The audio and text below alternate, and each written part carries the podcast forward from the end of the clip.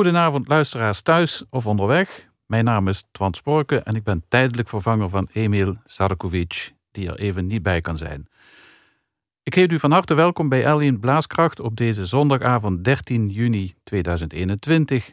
Fijn dat u voor ons programma hebt gekozen. En voor wie het zou moeten missen, overmorgen dinsdag 15 juni om 10 uur s avonds zenden we het programma nog een keer uit. Limburg is een provincie met heel veel muziek. Muziek zit in het DNA van dit zuidelijkste stukje Nederland. Sterker, heel wat muziekmensen uit het land zijn om die reden hier komen wonen en werken. Wat ook het geval is met de gast van vanavond. In dit eerste uur van L1 Blaaskracht begroet ik zoals altijd een special guest met wie u thuis uitgebreid kennis gaat maken, voor zover dat nog niet gebeurd zou zijn. De gast is een man die werkzaam is achter de schermen, zogezegd. Niet bekend als zanger of instrumentalist of dirigent, maar iemand die de zaken voor ons regelt en organiseert. We hebben het in het publiek altijd over de prestaties op het podium, maar weet dat er ook tussen en achter de coulissen keihard gewerkt wordt om alles in goede banen te leiden. En zo iemand zit tegenover mij. Zijn naam is Jurjen Toepel, momenteel werkzaam onder andere bij Opera Zuid. Wat hij daar doet en welke last op zijn schouders rust, dat horen we in de loop van dit gesprek. Ik vraag ook elke gast in dit spreekuur van L1 Blaaskracht om zelf de muziekfragmenten uit te zoeken en mee te nemen. Jurjen, welkom, fijn dat je er bent. Wat is het eerste wat je hebt meegebracht? Dankjewel, Twan. Het eerste fragment wat ik meegebracht heb deze avond is een operafragment van Benjamin Britten, A Midsummer Night's Dream.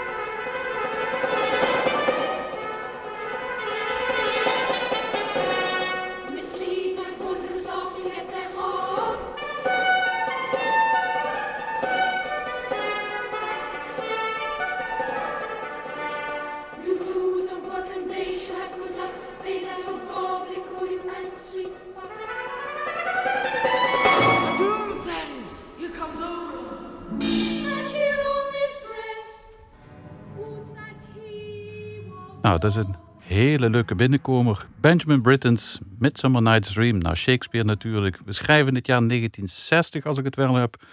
Waarom dit fragment uit een opera die ongetwijfeld niet bij iedereen bekend is? Ja, nou, eh, los van dat het natuurlijk een fantastische opera is, vind ik. Dat het een opera is in het Engels. Wat natuurlijk ook, uh, wat je niet zo heel vaak tegenkomt, maar waardoor het ook wat toegankelijker wordt. Mhm. Eh, maar de concrete aanleiding is eigenlijk omdat wij bij Opera Zuid in 2022 eh, deze opera gaan doen. Ah, dat is leuk. En ik dacht, dat, eh, deze kans kan ik niet aan me voorbij laten gaan. Ja. Een stukje te laten horen. Zeg, en ik neem aan dat jullie hem gaan uitvoeren in samenwerking met Philharmonie Zuid-Nederland. Dat klopt helemaal. Ja, En ook met Claudia Fransen. ook dat. Die Ja. hadden we vorige week te gast. Luisteraars, eh, de dirigenten van de Limburgse Koorschool. Ze hadden het er al heel even over. Dus heel stom toevallig dat jij met dit fragment komt. Wel zo leuk. En eh, jullie gaan hem volgend seizoen dus doen. In Ja, meerdere ja. theaters in Limburg. Ja, wij, hij gaat in, eh in het Theater aan het Vrijthof, het Parkstad Limburg Theaters, de Domeinen. Ehm, dat zijn de drie, even uit mijn hoofd. Gaat op eh, 22 mei 2022 in première. Hopelijk weer voor eh, volle zalen. Ja. 14 juni staan we in Maastricht. Leuk.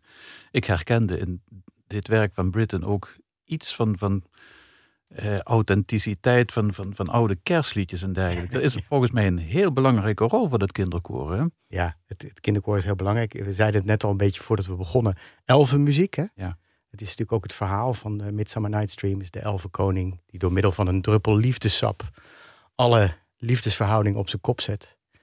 Jurjen, is dit ook een opera waar je je kleinkinderen of je kinderen mee naartoe zou kunnen nemen, denk je? Ja, dat denk ik wel. Want het is een eh, bijzondere aan deze opera is dat je aan de ene kant de hele, ja, ingehouden is niet het goede woord, maar hele gedisciplineerde muziek van Benjamin Britten koppelen wij aan een toneelregisseur, Ola Mafalani, die eh, niet per definitie een operaregisseur is, maar uit een heel andere vak komt.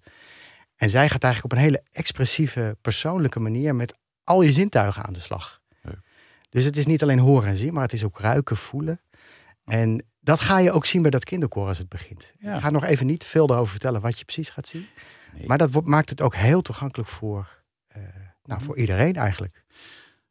En Opera Zuid biedt letterlijk en figuurlijk ook een podium voor het bijzonder zangtalent, is het niet? Ja, absoluut. En hoe Ja, komen jullie ja, aan die zangers? Zijn daar, zijn daar audities per productie? Of zijn er, hebben jullie scouts die rondneuzen bij conservatoria of andere podia? Ik heb geen idee. Nou, we houden audities, maar er wordt natuurlijk ook gescout. Hè? Dat is natuurlijk een combinatie. Waar wij altijd naar, naar trachten is een, een hele mooie combinatie te zoeken tussen nationaal en internationaal gearriveerde namen Mhm. en jong talent. En, en daarbij kijk je ook naar wat er hier in de regio aan jong talent rondloopt. De laatste productie was Bibi Oortjes, bijvoorbeeld uit Maastricht. Zong een van de prominente rollen. Dus we proberen altijd het jong talent te koppelen aan die gearriveerde namen, zodat je als jong talent ook die volgende stappen kunt maken onder begeleiding van. Dus om alle misverstanden te voorkomen, de zangers en jong oud, wat dan ook, die zijn niet bij jullie in dienst. Nee, nee, daar zijn wij echt te klein voor. Hè. Als je naar Duitsland gaat, dan zie je zien dat die operahuizen, dat iedereen daar in dienst is. Hè. Zo werkt het in Nederland niet. Wij zijn natuurlijk eigenlijk maar een heel klein clubje. We hebben eigenlijk een man of 19 in dienst. Nou, met 19 mensen kun je geen opera maken, dus daar moet natuurlijk wel bij. Ja. Dus de zangers zijn in feite regisseurs, zangers, eh, die worden eh, voor een project ingehuurd. Mhm. En de Philharmonie Zuid-Nederland is de begeleidingspartner die er op het laatste moment bij komt om te begeleiden. Ja. Dus wij schalen enorm op. Is een productie voorbij, dan zijn we weer klein. Oké. Ja. Nou weten jij en ik natuurlijk dat er erg veel vooraf gaat aan een opera. Niet alleen de repetities eh, voor zang, solo, koor of op het gebied van choreografie en het acteren. Kun jij uitleggen, klinkt misschien een beetje raar, maar ik stel de vraag toch zo, hoe lang is een opera eigenlijk onderweg? Ja, kijk, dat is een beetje waar je begint natuurlijk. Kijk, dat Midsummer Night's Dream, dat is, dat is al heel lang onderweg. Daar zijn we al heel lang mee bezig.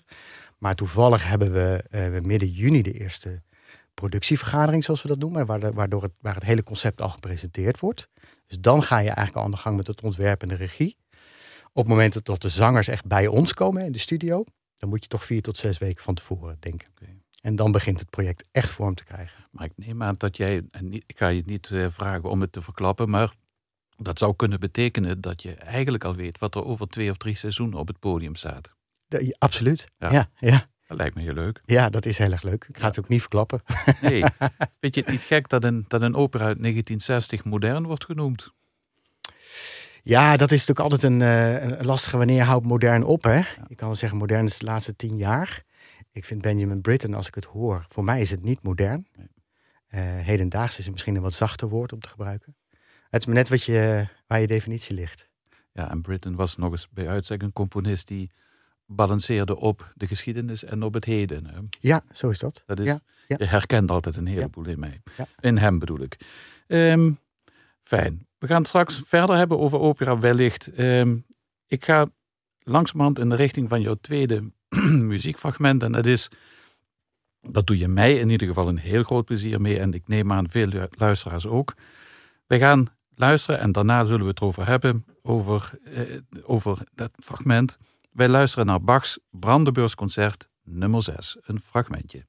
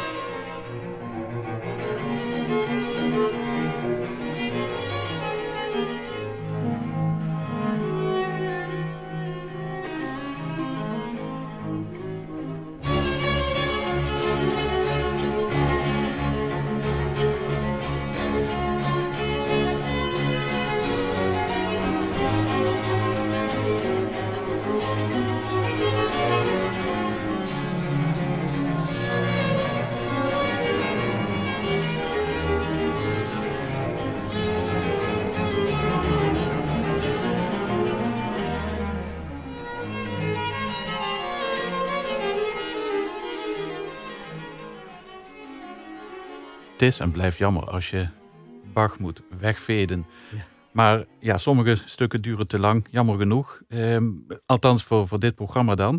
We hebben wel een prachtige indruk gekregen van een componist die toch wereldwijd nog altijd door duizenden mensen wordt gezien als het alfa en omega van de klassieke muziek. Geldt dat ook voor jou, Jurjen? Absoluut, Ja. absoluut. Toen jij mij vroeg voor dit programma, dan weet je gewoon dat Bach moet daartussen. De vraag is alleen natuurlijk welk fragment. Ja. En dat was natuurlijk eh, even nadenken, wat er is. Eigenlijk is alles mooi hè, van Bach. Ik bedoel, er, er zijn bij mij niet bekend fragmenten die, van Bach die ik niet zou willen uitzenden. Dat, Vind je het ook niet zo vreemd dat we eigenlijk elke dag naar die Bach kunnen luisteren? Dat, ik heb dat persoonlijk met heel weinig componisten, maar, maar Bach, daar mag je me voor wakker maken en eventueel mee in, in, in slaap sussen. Maar Ja. dat, wat is dat nog? Wat is dat? volmaakte componist. Ja, volmaakt. Volmaakte componist. Het bijzondere aan Bach vind ik ook dat je in de muziek eh, veel niet-klassieke muzici vinden in Bach ook een grote inspiratiebron. Dat is Ja. me altijd opgevallen. In de jazz bijvoorbeeld wordt ook veel over Bach gesproken. Dat zegt ook veel. hè. Het, het, het, het, het overstijgt het genre eigenlijk heel Ja. erg. Ja, leuk. Ja. Ik heb een vermoeden waarom dat je eh, koos voor het zesde Brandenburgsconcert. Je mag het dadelijk uitleggen. Ik vertel wel eventjes aan de, aan de luisteraars dat zesde, dat is het laatste van de Brandenburgsconcerten en eigenlijk ook het laagste.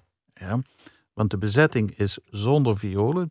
U hoorde zojuist namelijk twee altviolen, twee viola da gamba's. Dat is een instrument dat tegenwoordig meer in het museum staat dan op het podium. En een contrabas die het ensemble completeerde. Nou, aan jou eigenlijk nu om te vertellen waarom je dit stuk hebt uitgekozen.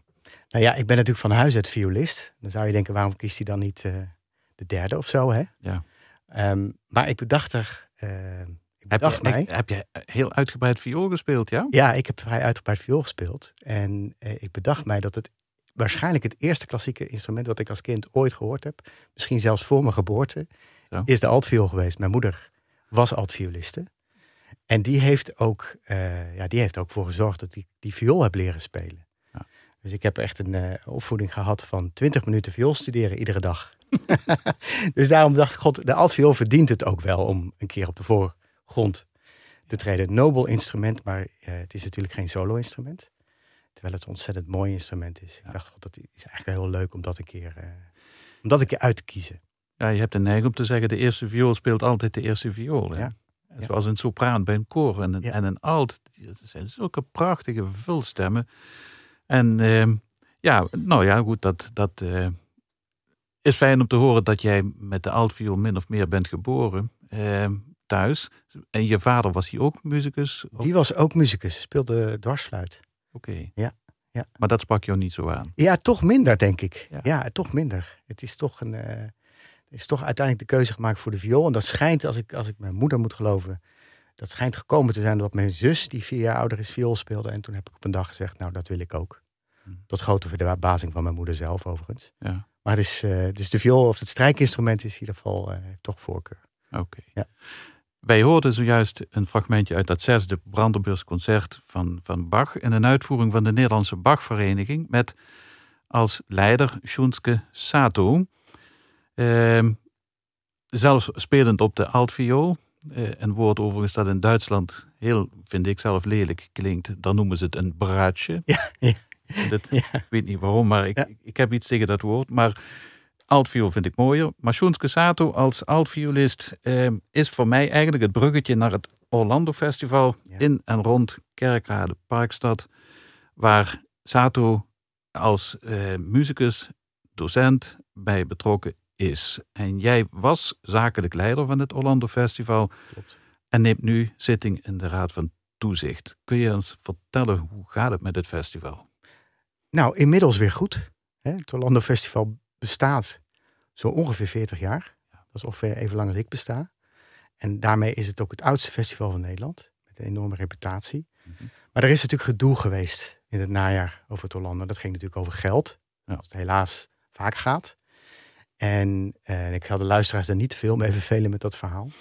Maar wat natuurlijk voor ons heel positief was, is dat de provincie Limburg en de provinciale staten in overgrote meerderheid heel erg achter het Orlando is gaan staan. Oh, dat is mooi. En hij heeft ervoor gezorgd dat wij komende zomer van 12 tot 22 augustus gewoon weer het Orlando Festival organiseren. Oké. Met, we weer gaan doen waar we goed in zijn. Kamermuziek maken. met als centrum Rolduc. Klopt. Ja. Ja. Ja.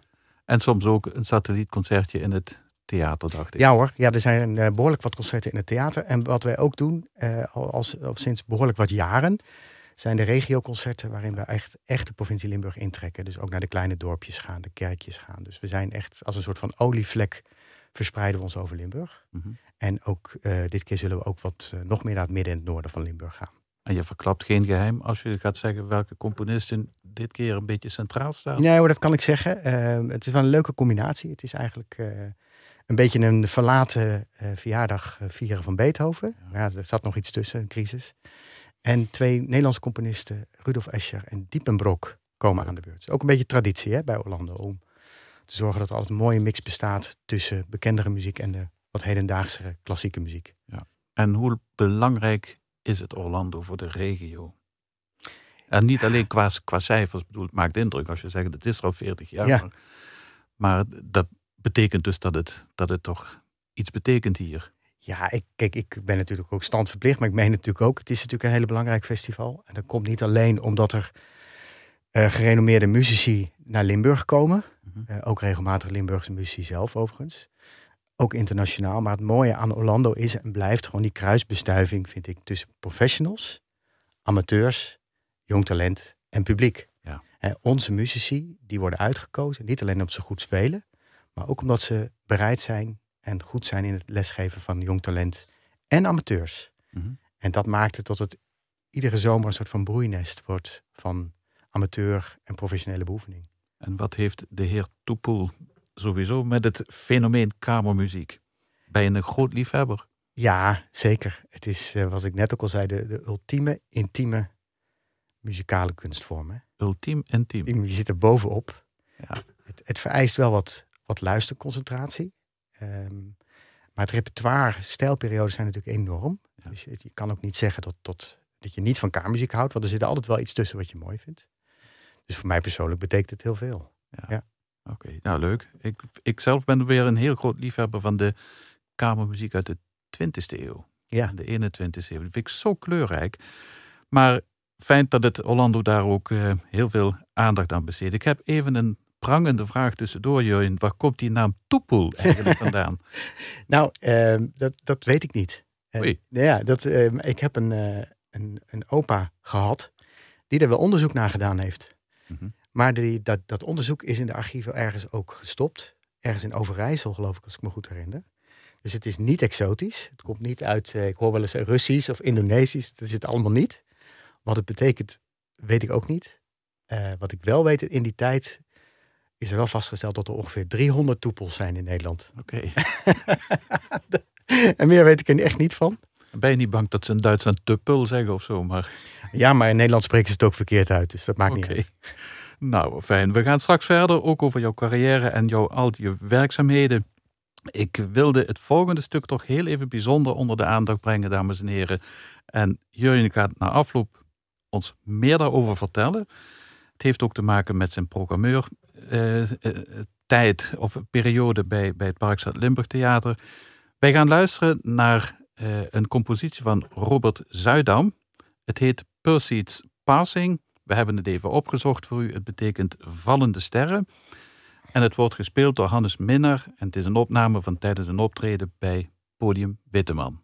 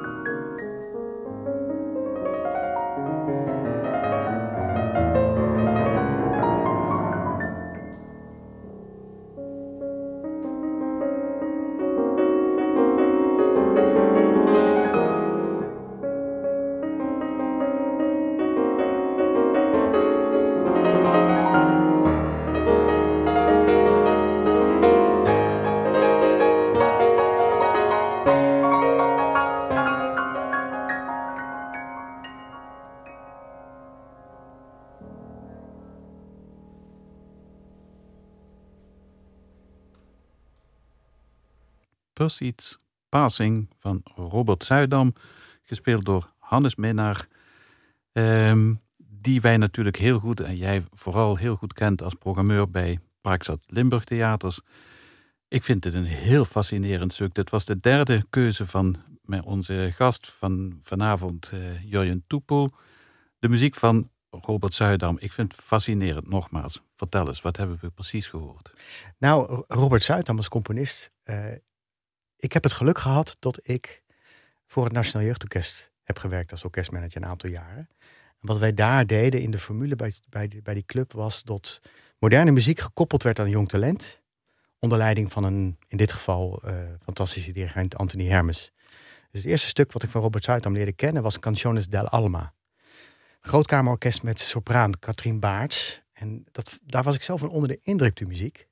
Daar moest ik meteen aan denken toen jij me vroeg voor dit programma. Mhm. Nou, een opname vinden van, van dat stuk blijkt wel lastig te zijn. Maar toen vond ik eigenlijk het bruggetje met Hannes Minnaar, die natuurlijk in Heerlen, waar ik programmeur was, uh, ieder jaar, uh, vrijwel ieder jaar te gast is. En in mijn tijd ook artist in residence was. Hij heeft toen een van deze nocturnes ook uitgevoerd. Mhm. Geschreven door Robert Zuidom voor hem. En um, toen dacht ik, god, dat is eigenlijk een hele mooie combinatie om deze twee te laten horen. En het is, ja, ik vind het wonderschone muziek. Ja. Ik kan me herinneren dat Hannes dit afgelopen december in Heerde ook gespeeld heeft. Was fantastisch trouwens. Hij deed dat voor twee keer dertig mensen in een periode dat het net even kon.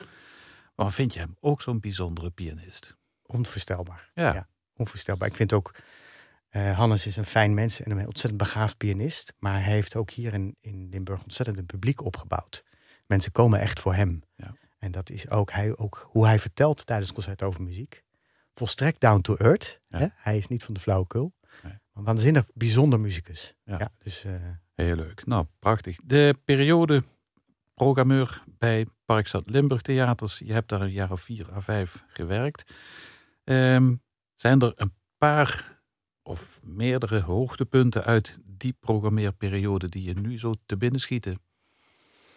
Ja, het, het, wat voor een programmeur in hele altijd een hoogtepunt is en blijft, is het jaarlijkse komst van het Koninklijk Concertgebouw Orkest naar Heerlen. Toen ik begon in Heerlen vroeg ik mij af, zouden ze in Heerlen net zo goed spelen als ze spelen in het, eh, in het Concertgebouw in Amsterdam? En ik kan na een aantal jaar volmondig ja zeggen. Mhm. Er, er wordt wel eens gevraagd aan mij, komen ze dan met het B-ploeg naar Heerlen? De B-ploeg bestaat overigens niet, hè? Dat, heeft het orkest helemaal niet. Nee, ze komen ook absoluut met de A-ploeg. En het was ieder jaar onder de indruk van onvoorstelbare speelplezier en de uitvoeringskwaliteit van het orkest. Dat was voor mij wel ongelooflijk om mee te maken. Echt een luxe. Het KCO en verder nog een paar. Ja, kijk, wij, zijn in Nederland heel rijk als het gaat om kamermuziek. Het Nederlands Kamerkoor vond ik ieder jaar een hoogtepunt. Waanzinnig repertoire, waanzinnige uitvoeringskwaliteit. Maar ik vond het ook altijd heel bijzonder om mee te maken hoe die internationale gastorkesten, zoals de London Philharmonic, nou heerlijk kwamen. Altijd met een enorme spelplezier en de lol die ze op het toneel um, ja, brachten. Dat heeft mij altijd heel, veel, uh, heel erg geïnspireerd, mm -hmm. zo zeggen. Leuk. Ja, zo zijn er een heleboel. We hebben hem al genoemd. Hannes Minna was heel bijzonder. Ja, Hannes is natuurlijk ook met zijn Van Baarden trio natuurlijk hè, heel bijzonder. En graag terugkerende gast hier in het zuiden. Prachtig. Ja, heel leuk. Um, de meeste muzici waarmee je als programmeur hebt te maken, zijn het aardige mensen, zijn het gekke mensen, zijn het dromers, zijn het. Wat is nou, jouw ervaring? Mijn ervaring is dat het over het algemeen hele aardige mensen zijn. Ja. En er wordt ook wel eens gezegd over uh, zangeressen dat die moeilijk kunnen zijn, of dat klassieke muzici. Ik heb het eigenlijk niet vaak meegemaakt. Mm -hmm. Ik heb ze eigenlijk altijd als zeer prettig. De Arthur en Lucas Jussen bijvoorbeeld. Ja, die jongens die zijn gewoon achter de schermen net zo relaxed als ze op het podium zijn. Ja. En niks, geen diva gedrag. Ontzettend fijne mensen. Mhm. Het komt een enkele keer wel voor natuurlijk. Maar als je leest hè, want hoe popmuzici zich af en toe gedragen met een, eh, met een uh, eisen en uh, fijn klassieke muzici ontzettend makkelijk. Okay. In mijn beleving. Ja. ja. Een heel voor de hand liggende vraag aan een programmeur is natuurlijk eh, of er een bepaald genre klassieke muziek is waar jij de meeste affiniteit mee hebt. Is er iets heel specifieks? Of ben je meer het type Leonard Bernstein die ooit zei: Er is geen slechte muziek, er wordt alleen veel slechte muziek gemaakt. Maar. Eh, nou, als ik me dan uh, met, met Leonard Bernstein mag vereenzelvigen, dan ben ik het helemaal mee eens. Ja. Uh, ik heb natuurlijk persoonlijk wel uh, heel veel met het laat romantische symfonisch repertoire. Ah, dat komt, heel- daar komt straks nog voorbij. Ja, tuurlijk. staat wel heel dicht bij me. Maar ik heb absoluut geen ehm stijlperiode die ik of uitsluit of alleen maar bij blijf. Dat, Mhm. dat, eh, nee, absoluut niet. Oké. Ja. Een alleseter. Ja. Blijkt ook uit het volgende fragment. Wij nemen u namelijk mee naar het Engeland van de 16e eeuw, naar William Byrd. Maar wat heb jij met Byrd en wat heb jij met Engeland? Nou, met Engeland heel veel. Zowel met muziek als privé. Mijn partner is, is Engels. En ook muzikanten. Ehm, dit fragment is ook eh, op advies van haar. Ik wilde heel graag iets van koormuziek laten horen. Maar ik wilde eens een keer wat anders. Oké. En toen heeft Hannah me aangeraden om William Byrd. Ik moest het ook een beetje opzoeken. Ja. Wie hij was. En ik was verrast nadat ik het gehoord had. eh, dat het renaissance muziek is. Ja. We hebben het vaak natuurlijk als het over klassiek gaat. Beginnen we zo'n beetje bij de barok. Volstrekt tijdloze muziek, vind ik. Waanzinnig uitgevoerd. Door Voces 8. Voces 8. Een werk Ne Irascaris Domine van William Byrd door Voces 8.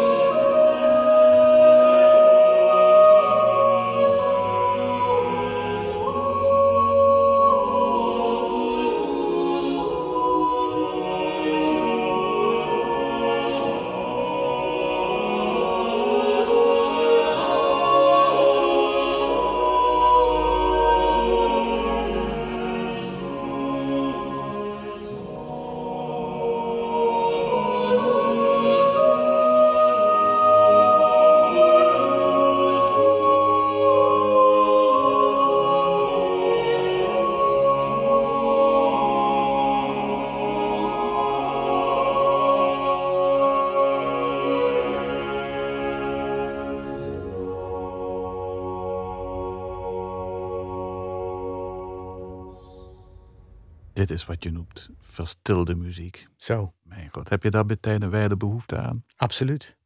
Dus Ja. Tussen alle hectiek.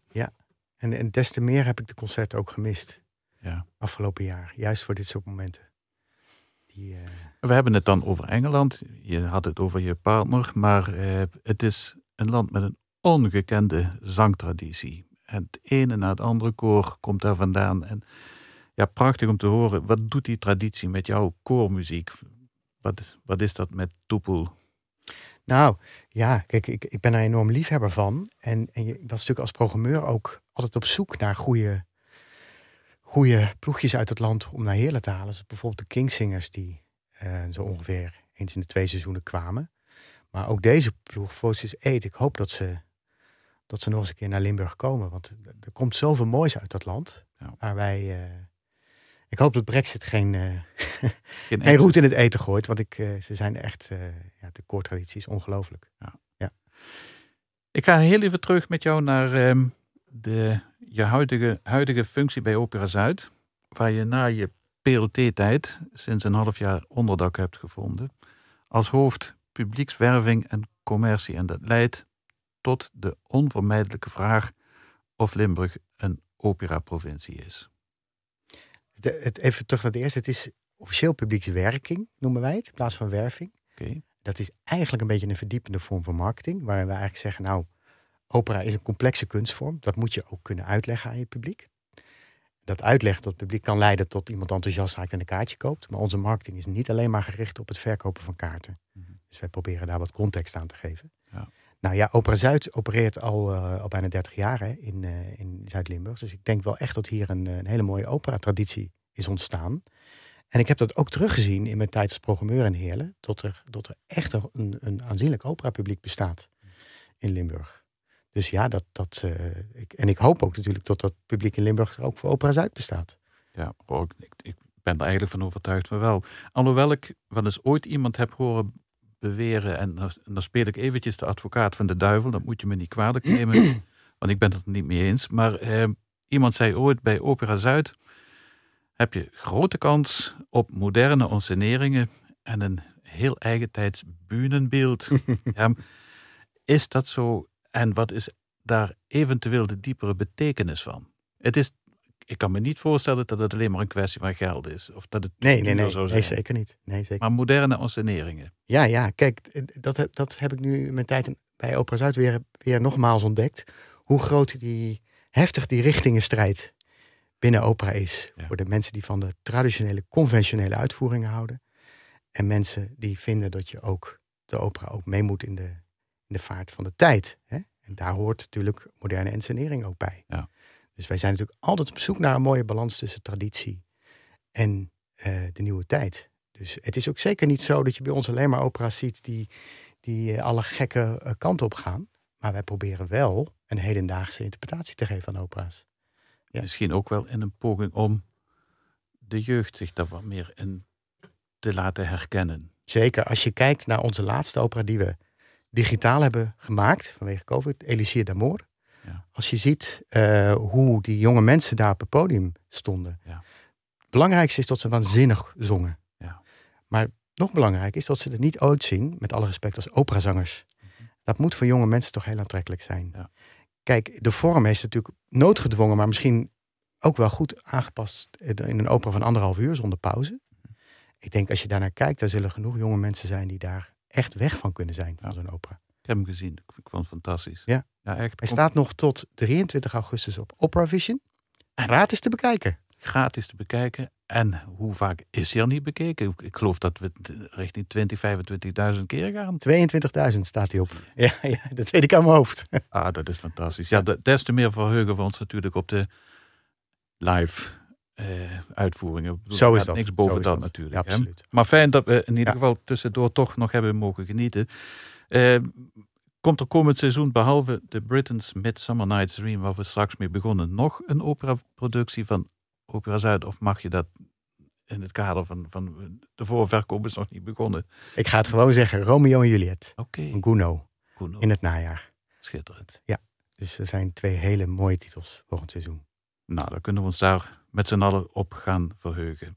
Ehm, jij bent ook werkzaam geweest, liedjes straks heel even vallen bij het Nationaal Jeugdorkest, beter bekend als het NGO. Ja, en daar lag Maler wel eens op de pupitter. Ja. Ja, en uh, het is natuurlijk een mission impossible om dadelijk na afloop van het fragment in twee alinea's te vertellen wie was Maler, wat deed hij, wat stond hij voor mm. en, enzovoort. Dat mag je straks toch misschien een heel korte poging doen. Uh, wij gaan luisteren naar een fragment uit Mahlers zevende symfonie, het rondo, het laatste deel, eh, door het Chicago Symphony Orchestra onder leiding van Weiden Salty.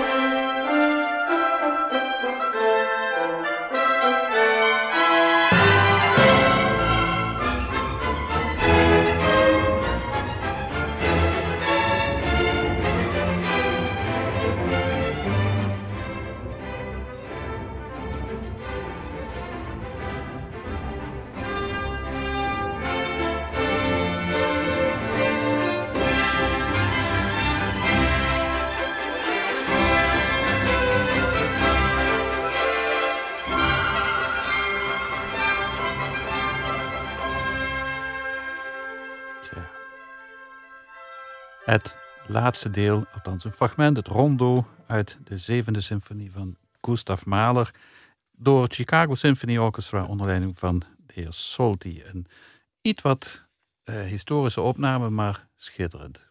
Heel mooi. Dit is natuurlijk voor mij natuurlijk wel een beetje de het ultieme fragment vandaag.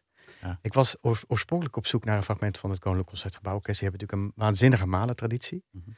Maar toen kwam ik deze tegen van Georg Solti. Ik vond deze zo goed dat ik dacht, deze moeten we kiezen. Ja, mooi. Ja. Het bijzondere van Mahler is natuurlijk dat je constant balanceert tussen heel hoog gekwalificeerd en schutterij, zeg ik altijd. Ja, ehm, dat vind ik zelf een van de, van de mooiste, uh, meest opzienbarende dingen van deze componist. Kun jij heel kort uitleggen waarom we deze componist zo weinig tegenkomen in de theaters? Ja, god, het is natuurlijk, als je kijkt naar de instrumentatie, is het natuurlijk groot bezet vaak. Hè? Het is moeilijke muziek om te spelen. Het is echt een specialisme. We hebben natuurlijk in Nederland een orkest die dat waanzinnig kan, het Koninklijk Concertgebouworkest. Maar wil je als orkest um, buiten Malen ook nog wat doen, dan wordt het heel moeilijk. Dus het is voor een orkest heel moeilijk om die keuze te maken om helemaal voor Malen te gaan. Dus daarom hoor je het te weinig, vind ik. Is, is, Erg jammer. Is het de Champions League onder de symfonieën? Ja, dat vind ik wel. Ja, ja vind ik wel. En Broekner? Broekner ook. Ja. ja. Je hoort natuurlijk aan deze symfonie, hij is, die Mahler 7 is eigenlijk de meest abstracte. Hè? Mhm. En uh, over dat banale waar we het het, het, het, laveert tussen pure schoonheid en het gaat richting banaal. Maar je voelt hier ook dat die richting atonaliteit gaat. Ja. Het is niet atonaal, maar je voelt dat de nieuwe tijd eraan zit te komen.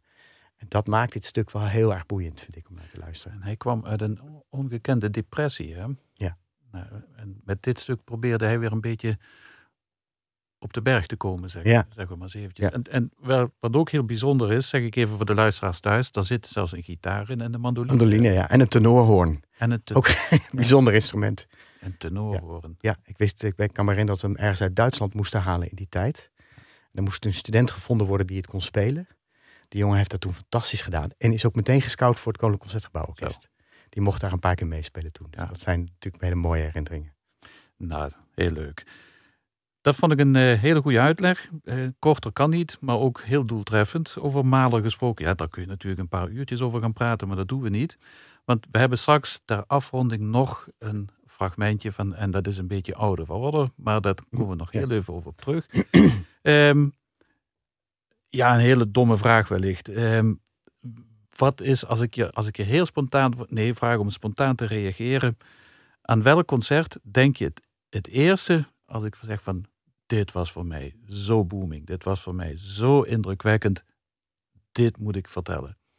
Nou, ik vond het, uh, het concert van het Nederlands Kamerkoor, begeleid door de Philharmonie Zuid-Nederland, het Requiem van Fauré, oh ja. vond ik toch wel heel indrukwekkend. Ja. Prachtige samenwerking tussen het orkest en het, en het koor. Het koor was op dat moment ook uh, artist in residence, dus niet een muzikant, maar een heel ensemble. Mhm die hebben in dat seizoen ook fantastische dingen gedaan. Ja. Dus dat concert plus eigenlijk die andere concerten die zij uh, gaven, dat, dat uh, staat wel voor eeuwig in mijn geheugen. Prima, leuk. Ja. Dus weer koormuziek. Ja, toch weer koormuziek, ja. Ja, ja, ja. bijzonder. Ja. Kun jij elke moment van de dag bezig zijn met muziek? Of zijn er ook op een gegeven moment... Uh, komt er een, een, punt dat je zegt van, nou, tot hier en nog ga ik eens lekker de hond uitlaten. Uh, ja, ik, ik, ik, ik kan. Nee, zeker niet. Um, ik, als ik thuis kom, uh, is het vaak wel even klaar. Mm -hmm. Ik heb eigenlijk mijn tijd, die, die toch ook wel vrij viel hè, door die crisis, die avonden dat je niet weg bent, en heb ik besteed aan wandelen en koken. Aan koken. Ja, en, en dat heeft me een tijdje is dat ook best goed bevallen. Begint nu toch wel een beetje tijd te worden voor muziek weer. Ja, ja, ja. ja, kun, Je, kun, Je, weer een pizza uit de doos halen. Precies, ja. ja. Zijn er speciale dingen die je graag kookt? Nou, uh, steeds nieuwe dingen vooral. Het blijft steeds zoeken naar. En eh, dat vind ik ook leuk om daar een hele dag de tijd voor te nemen. Ja. En dat, uh, is, dat is een beetje zoals mijn weekenden in de lockdown heb besteed aan het ontdekken van nieuwe gerechten. Het was Joop Braakhekken die ooit zei van elk gerecht begint met het opentrekken van een fles wijn. En... Overigens is er nog een leuke linkje naar het eerste fragment, Benjamin Britten. Ja. Dat kinderkoor dat gaat bij ons straks eh, volgend jaar op een hele bijzondere manier opkomen. Daar zal ook iets met koken gebeuren op het podium. Koken en zintuigen. Leuk. Meer zeg ik er nog even nee, dat mag niet. Dat, dat snap ik, ja. Um, we gaan naar jouw laatste fragment toe. Um, je mag het heel kort zeggen, Ja. wat is het? Want het is geen klassiek. Ik had het wel een beetje verwacht, me voelen aankomen. Maar aan jou eventjes dadelijk om dat aan te kondigen. Ik wilde vooral, dames en heren, eh, gaan afronden met de mededeling dat we na afloop van dit uur opnames uit de PLT-theaters en van het Orlando Festival gaan horen. Onder andere het Orlando 2015, de blazers van het Koninklijk Concertgebouworkest, Limburg aan de Slag 2016, de groepen Montebello van Henk Gietaert met de Kindertotenlieder enzovoort.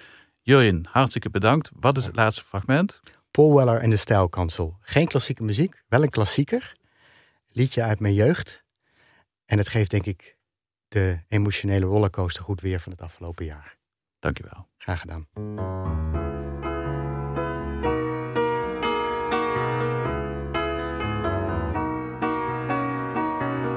Daylight turns to moonlight, and I'm at my best, yeah. Praising the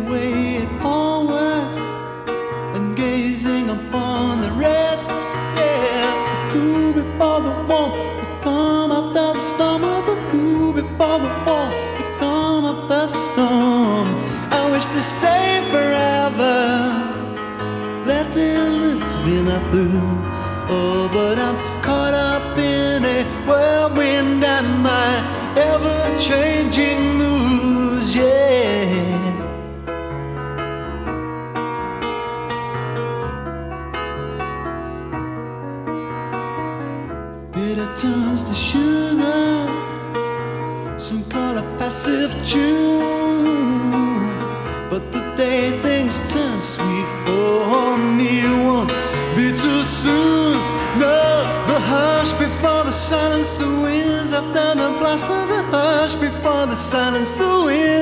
the blast. I wish we moved together. This time the bus is soon. Oh, but we're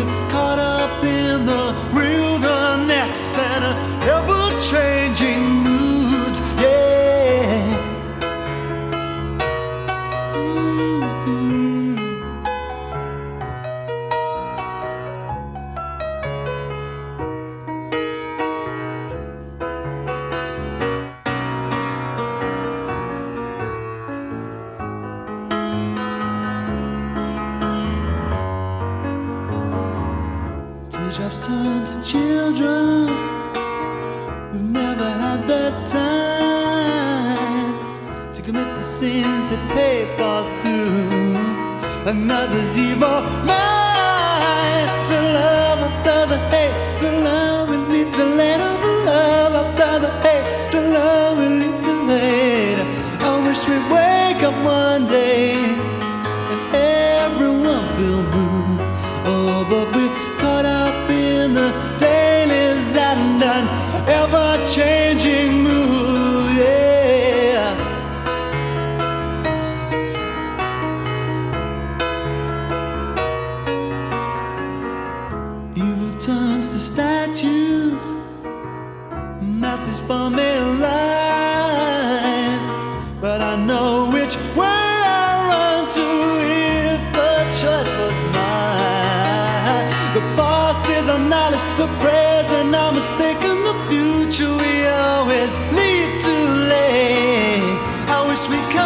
Senses and see there is no truth. Oh, and those who confusion for this ever changing.